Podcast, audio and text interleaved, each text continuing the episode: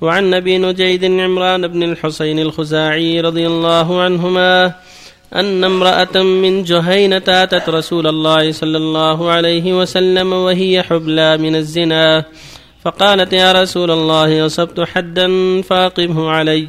فدعا نبي الله صلى الله عليه وسلم وليها فقال أحسن إليها فإذا وضعت فأتني.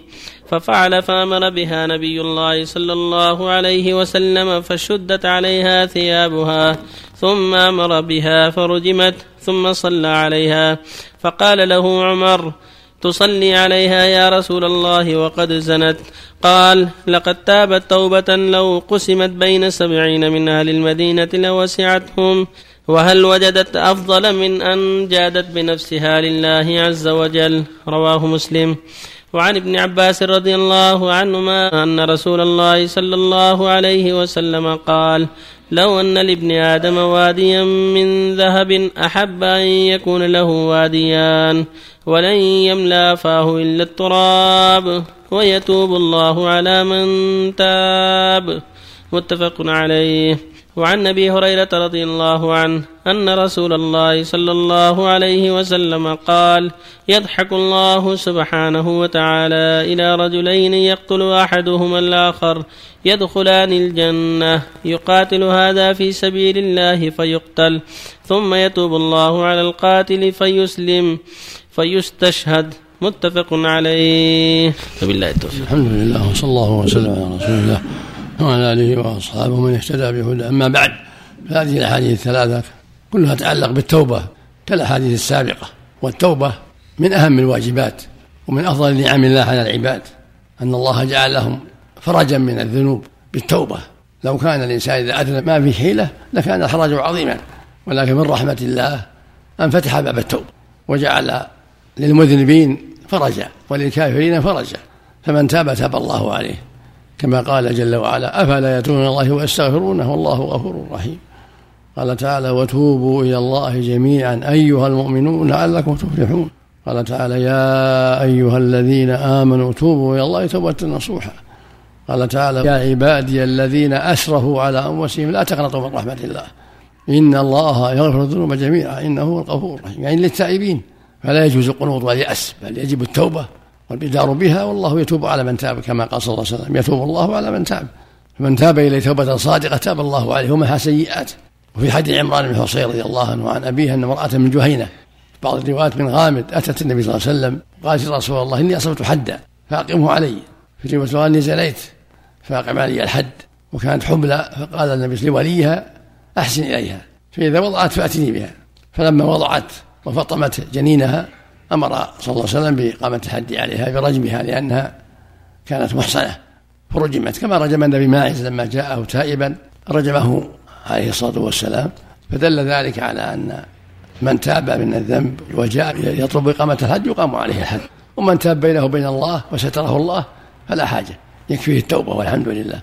ولهذا في حديث عبادة بن الصامت ذكر الذنوب قال صلى الله عليه وسلم من أدركه الله في الدنيا كان كفارة له ومن ستره الله في الدنيا فأمره إلى الله.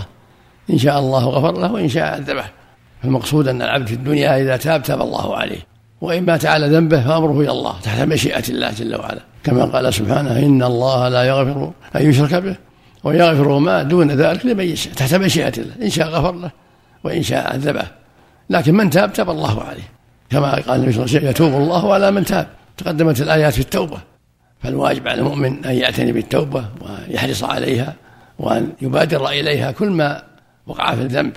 ومن طبيعة ابن آدم حب الدنيا. يقول صلى الله عليه وسلم لو أعطي ابن آدم واديين من مال ابتغى لهما ثالثا ولا يملأ وجهه ابن آدم إلا التراب ويتوب الله على من تاب. فالمؤمن يحرص يحذر شر الذنوب ويبادر إلى التوبة منها ومن تاب تاب الله عليه سبحانه وتعالى. كذلك هذه قول صلى الله عليه وسلم يضحك الله إلى رجلين يقتل احدهما الآخر كلاهما يدخل الجنة. هذا في وصف الله بالضحك. ويضحك لا كضحكنا سبحانه وتعالى. يضحك ويرضى ويغضب على وجه لا يقف سبحانه. لا يشابه خلقه في شيء من صفاته جل وعلا. كما قال سبحانه ليس كمثله شيء هو السميع البصير. يضحك الله إلى رجلين يقتل احدهما الآخر في في سبيل الله. ثم يسلم كافر ويموت على الإيمان. كلاهما يدخل الجنة القاتل والمقتول.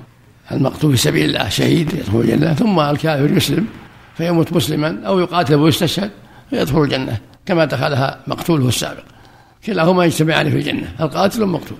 الأول قتل في سبيل الله والثاني أسلم ومات أو قتل في سبيل الله. بعد العداوة الشديدة تاب الثاني وهداه الله ثم قتل شهيدا أو مات على فراشه فدخل الجنة. هذا يدل على من تاب توبة صادقة من ذنوبه حتى من الشرك أدخله الله الجنة.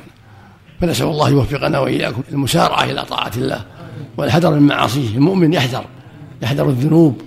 لأن قد يبتلى بالذنوب ولا يوفق للتوبة ولا حول ولا قوة إلا بالله. فالواجب الحذر. فإذا بلي بالذنوب فليبادر بالتوبة ولا يؤجل بل يسارع إليها ويبادر بها قبل أن يحال بينه وبين ذلك. فنوصي الجميع بتقوى الله نوصي الجميع بتقوى الله والتوبة إليه ورحمة الفقراء والمحاويج. فإن التوبة والرحمة للفقراء من أسباب غيث الله ورحمته من أسباب الغيث والرحمة. فنوصي الجميع بالتوبة إلى الله والمبادرة بالتوبة من الذنوب والندم والإقلاع والعزم لا يعود وكذلك بكثرة الاستغفار والدعاء والرحمة للفقراء. نسأل الله أن يتوب على الجميع وأن يغيث المسلمين غيثا مباركا وأن يصلح القلوب والأعمال وأن يكفينا شر الذنوب. إنه سميع قريب وصلى الله وسلم على نبينا وعلى آله وصحبه الله إليك بالنسبة مثلا شخص مثلا سرق مال من أحد أقاربه ثم قام بالتصدق عنهم بنية التصدق عنهم لا يعطيهم إياه ما يكفي. يرد عليهم أموالهم ولو من طريق آخر ولو ما بين نفسه. حتى لو كانت قليلة. ولو يردها عليهم. عليه أن يؤدي المال اللي ولو من طريق آخر. ما هو لزوم يقول هذا مني يقول هذا مال لكم عند إنسان أعطانيه أوصله لكم. الله